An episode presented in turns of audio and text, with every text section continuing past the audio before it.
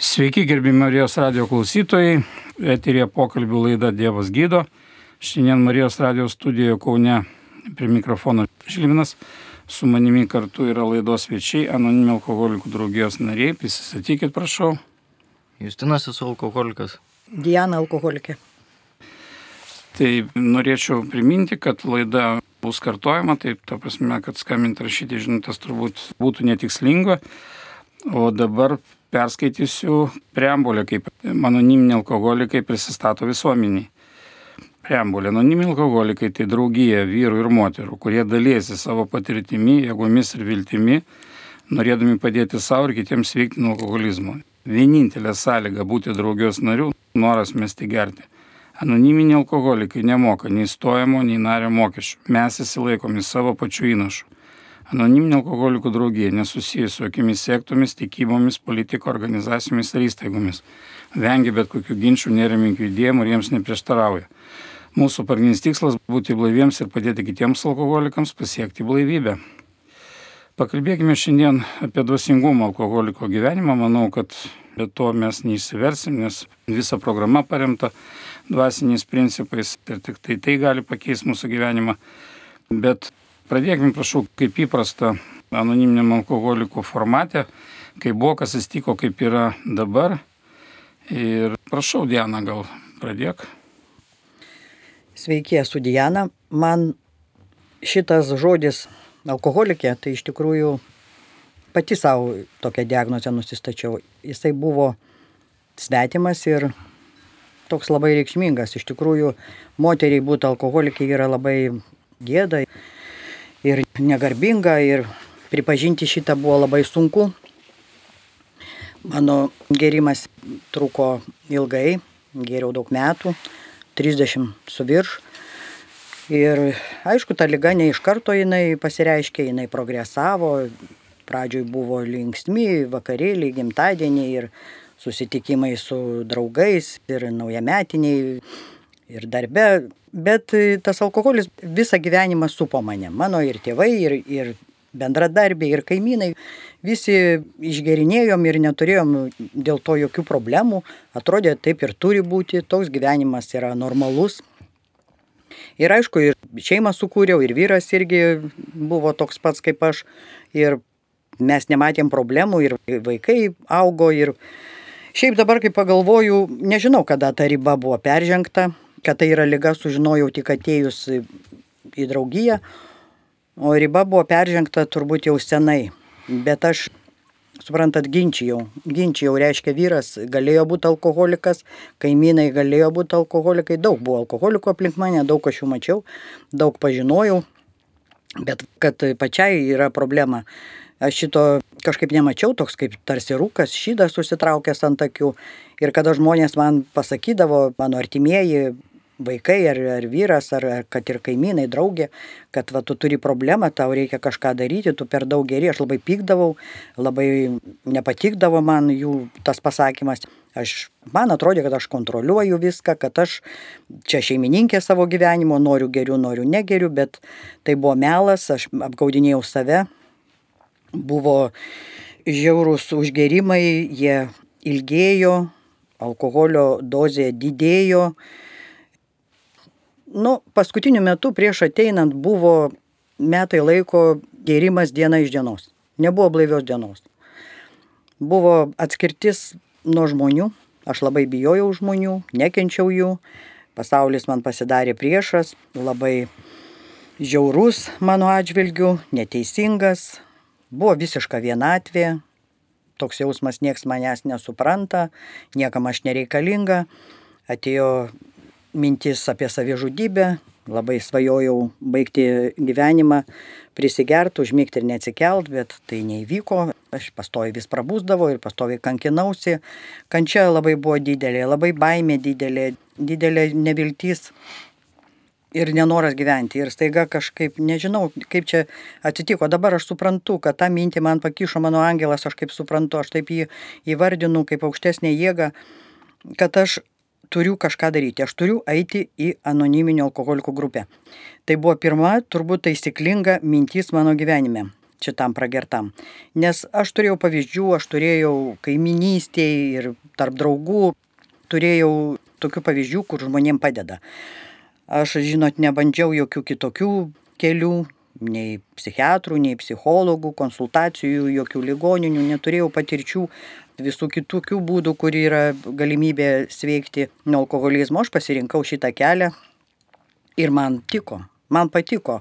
Aš kada pradėjau lankyti susirinkimus, aš iškart pajaučiau, kad tai tie žmonės, kuriuo aš ieškojau visą gyvenimą. Va čia ta vieta, kur aš turiu būti.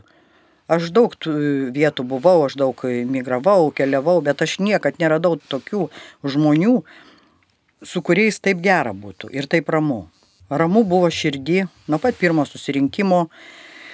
Gavau didelę dovaną, už kurią esu labai dėkinga, dingo noras gerti, visiškai noras prapuolė gerti. Tai įvyko stebuklas mano gyvenime, aš kaip įvardinu, ir, ir jis tęsiasi po šiai dienai, aš blaiva esu nuo 2011 metų, Tai kaip nekeista, kad ir kokią skeptišką požiūrį turėjau į šitą draugiją, į šitą, į šitą pagalbą, bet jinai pasitvirtino. Tai yra mano kelias, jisai tęsiasi po šiai dienai, nesvarbu, kad aš esu jau blaiva 12 metai, aš vis tiek lankau susirinkimus, man reikalingi jie, aš mokausi gyventi, mokausi bendrauti, pamilti, pažinti žmonės, visi esat mano mokytojai, visiems esu labai dėkinga, dėkinga Dievui, kad man padeda, dėkinga šitiem žmonėm, kurie yra šalia, kada man sunku, kada man blogai, aš einu į grupę, kada man linksma, aš einu į grupę, aš visada einu į susirinkimą ir laukiu, kada ateis irgi toks alkoholikas kaip aš, kenčiantis, kuris visada ras čia degančią žvakę, ras artimą petį, atramą ir ištiestą pagalbos ranką. Tai, tai tiek pradžiai. Ačiū tau labai. Diena, Justinai, rašau tavo istoriją. Sveiki visi. Istorija mano prasidėjo santykių su alkoholiu pakankamai anksti. Ir buvau iš tų nelaimingų paauglių, kurie draugų kompanijų ir alkoholį ieškojo tam tikros pagodos ir atsipalaidavimo. Tai Iš tiesų, į anoniminio alkoholikų draugiją atėjau jau būdamas 21 metų. Nebuvo lengva perlėti per save, nes kaip Diena sakė, kad moteris tai man taip pat buvo, kad aš jaunas ir atrodo jau toks sulaužytas tiek paties gyvenimo, tiek alkoholio. Bet ėjau iš baimės į anoniminio alkoholikų draugiją, nes nežinau daugiau ką daryti. Ir tokią mintį pasiūlė gydytojai priklausomybės lygų centro. Ir tai buvo turbūt geriausias sprendimas mano gyvenime, kurį buvau priemęs. Nes to dėka aš šiandien aš esu gyvas ir esu blaivas.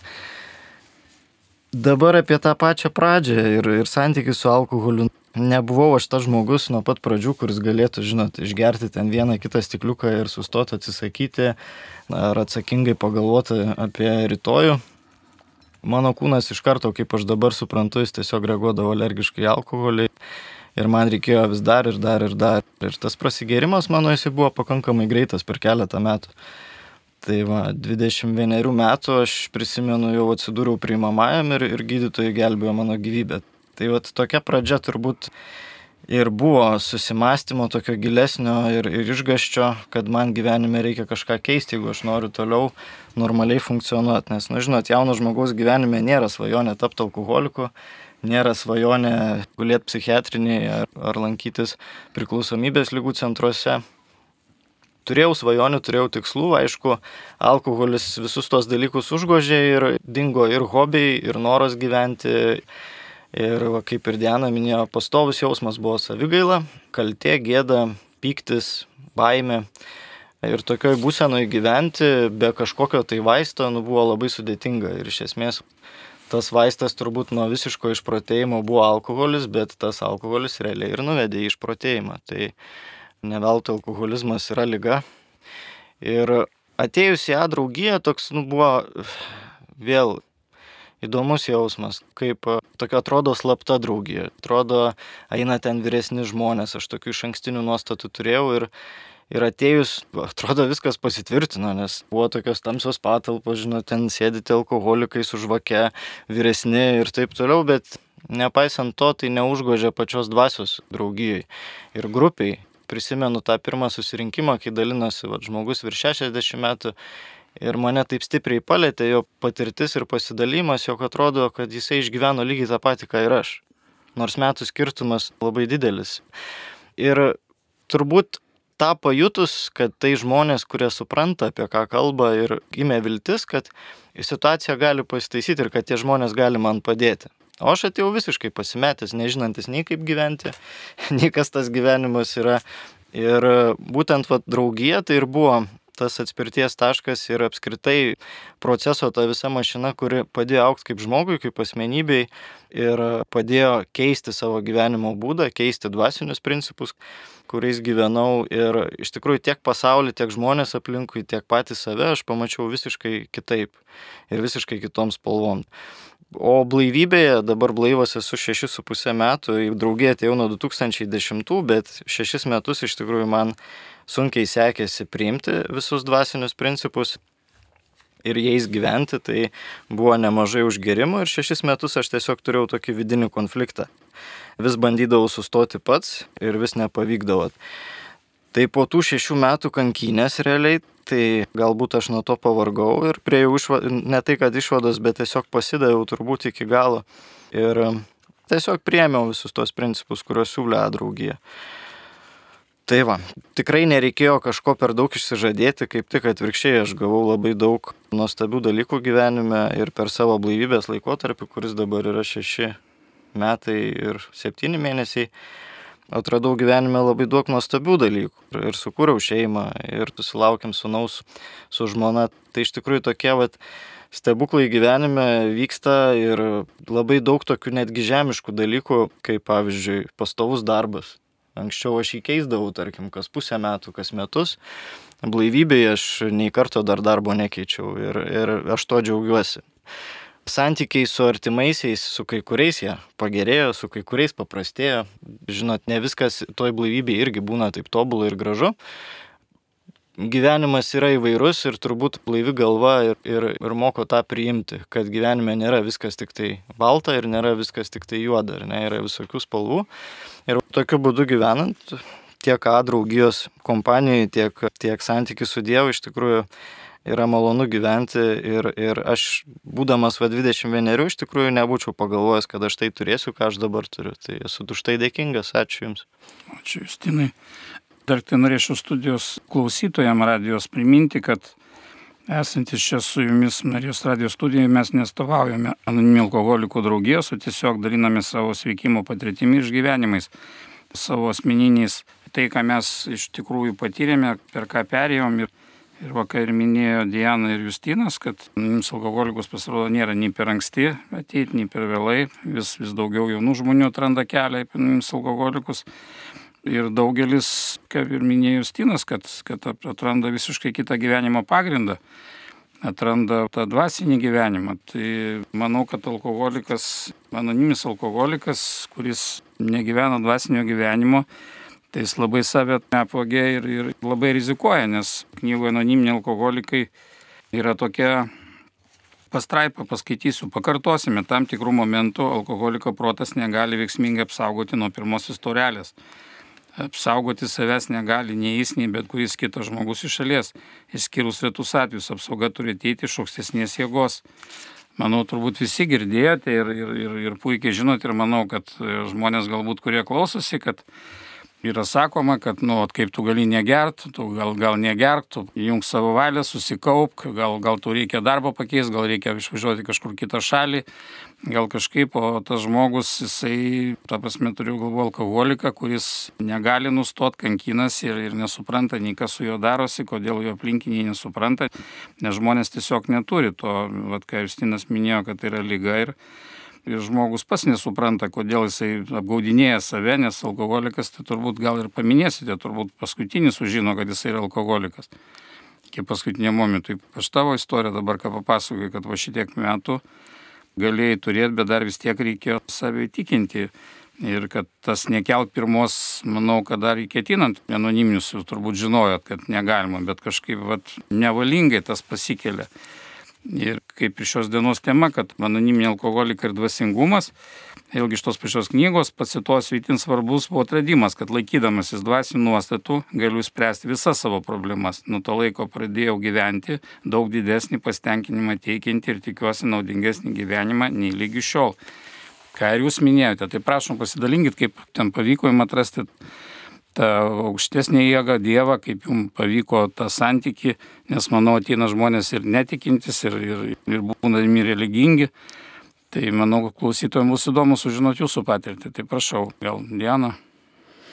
Taip, aš irgi atėjau visišką agnostikė, neturėjau jokio santykio su Dievu, aš kažkaip tai įsivaizdavau, kad jis yra, žmonės eina į bažnyčią, šitą žinojau, visi kažkokį turėjo savo tikėjimą, bet man to nereikėjo, man užteko kaip aš įsivaizdavau, aš esu čia šeimininkė savo gyvenimo, aš viską kontroliuoju.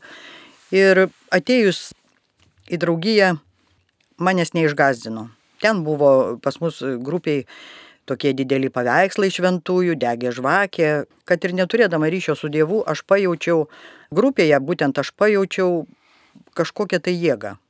Kažkokią jėgą, kuri pradžioj mane visada palaikė. Penki metai blaivybės, mano aukštesnioji jėga buvo grupė. Buvo grupė sąmonė, grupė ir man to užteko, nes iš tikrųjų grupė tai jinaigi man davė viską, jinai davė man blaivybę svarbiausia, kad aš turėjau pasirinkimus, aš galėjau rinktis. Aš turėjau teisę, aš tapau normalus pilietis.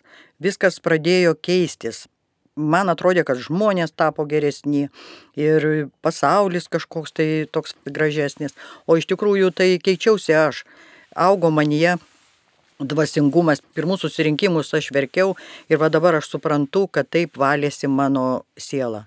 Valėsi mano siela, aš klausiau žmonių istorijų, aš labai pergyvenau, aš visada kažkaip tai norėjau jiem padėti, va atsirado noras padėti žmogui, noras būti geresniai, supratingesniai. Tai ir buvo mano pirmas žingsnis į tą dvasingumą, kada grupė buvo aukščiau už viską, kada pirmus tris metus aš pastovėjau, vos ne kiekvieną dieną aš negalėjau praleisti šitų susirinkimų, nes aš ten turėjau išgirsti, bet jie kažką žinojo, šitie žmonės buvo kaip aš dabar suprantu, nuolankus. Jie turėjo tą dvasingumą, o aš neturėjau, aš jo ieškojau. Bet žinot, mūsų programa jinai nieko daugiau nesiūlo 12 žingsnių programą. Ir ta programa jinai ir yra kelias į dvasingumą, kelias į pažinimą, į savęs pažinimą, į meilę žmonėm. Visi žingsniai yra surišti su Dievu, su, su meilė ir man reikėjo imtis šitos programos nuosekliai ir atrasti savo aukštesnį jėgą, kuri grupiai ta jėga yra. Aš grįžtu namo, išvažiuoju kažkur ir, ir jos nebėra. Aš neturiu ką atsiremti. Vat man reikėjo tokio skydo, tokio atramos taško, kur aš galėčiau atsiremti, būdama kažkur tai Vokietijoje, būdama kažkur tai Turkijoje. Suprantat, nepameščiau. Nes yra tokių dienų gyvenime turbūt, kur ne visada tu randi tą grupę.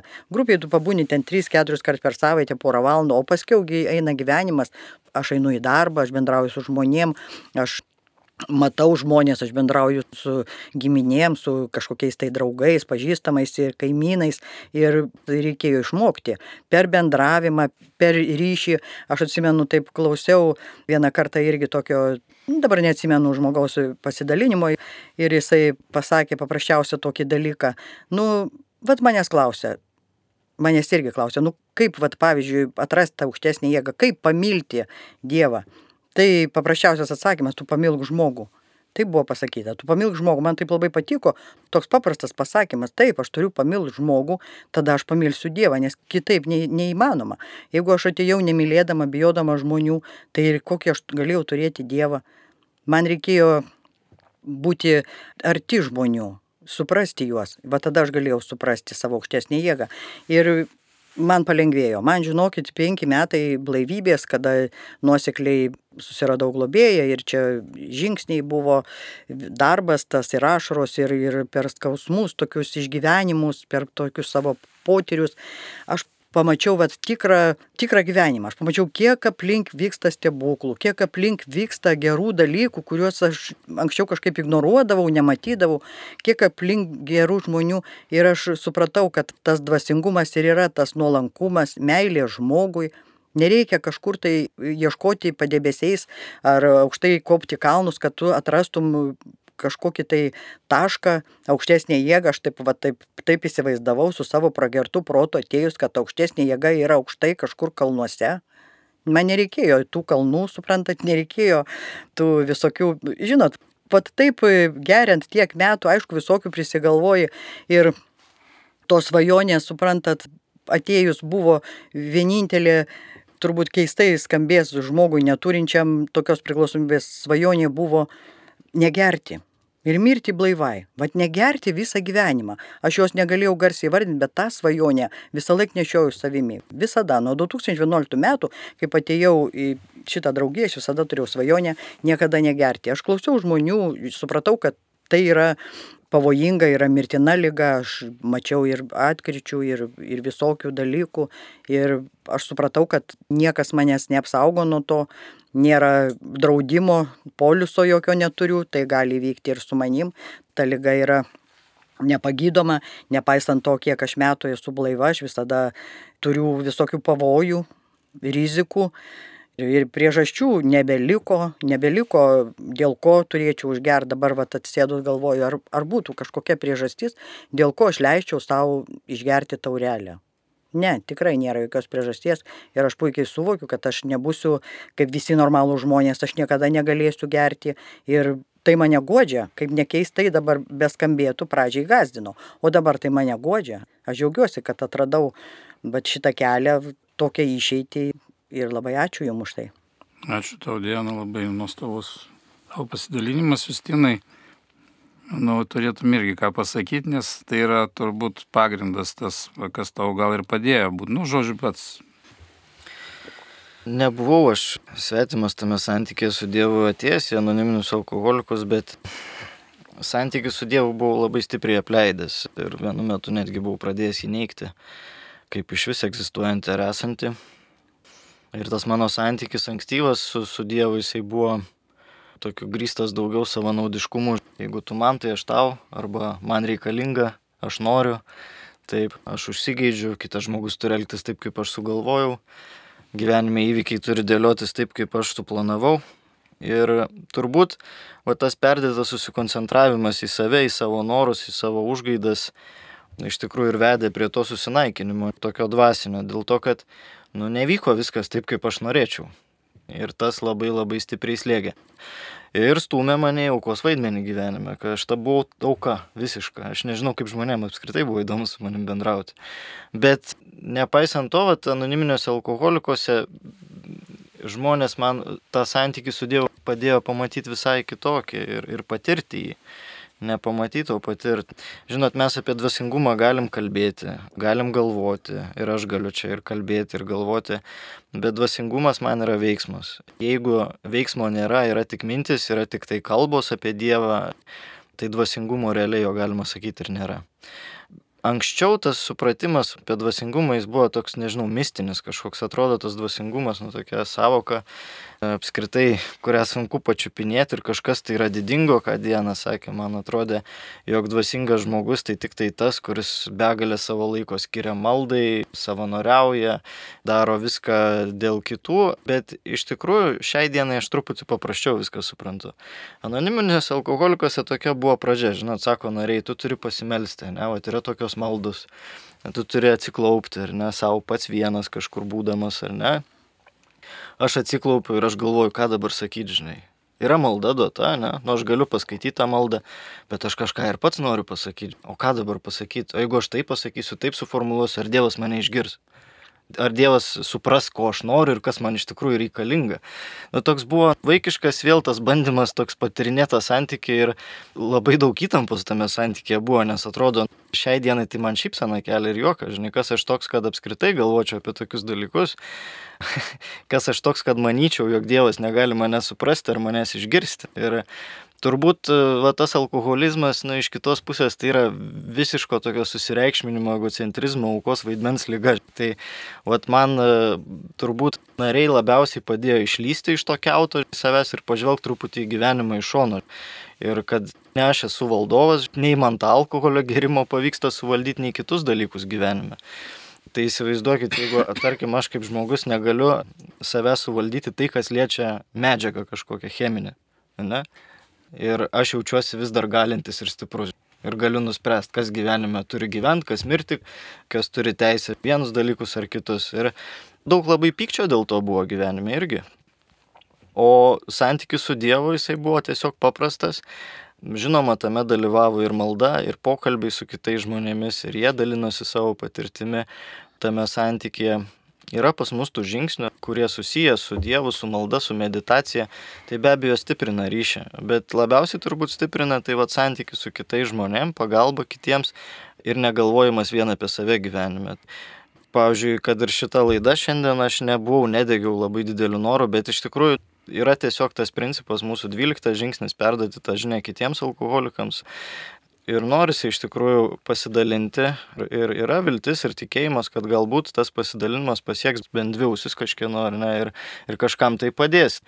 Nes ne visada yra noro būti dvasingu. Ir čia yra disciplinos klausimas taip pat, kiek aš skiriu tam laiko. Pavyzdžiui, pastoviai žvelgti savo vidų ir pergalvoti savo būdo trūkumus nėra taip paprasta kartais, nes ne visada yra gera nuotaika. Nu, kartais atrodo tas gyvenimas ir suerzina ar žmonės, ar, bet e, pasižiūri vis į save, į savo būdo įdas, kas sukėlė būtent, tarkim, pykti, baimę šitoje situacijoje, kodėl aš vienaip ar kitaip pasielgiau.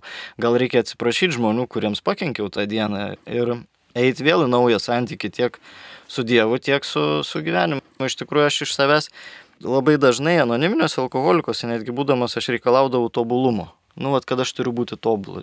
Nes man atrodė, a, nariai tobuli, jie kalba taip gražiai, dvasiniais principais gyvena, bet iš tikrųjų aš supratau, kad to tobulumo realiai tai yra kažkokia tai kaip mistinė siekėmybė, nežinau, kuri turbūt man net nėra pasiekiama, aš taip manau. Ir daugiau tai yra tiesiog vat, galvojimas apie gyvenimą šią dieną, šiandien ir, ir galvojimas, kad kiekviena nauja yra diena, nauja pradžia, kad aš galiu vis gyventi vis geriau ir geriau.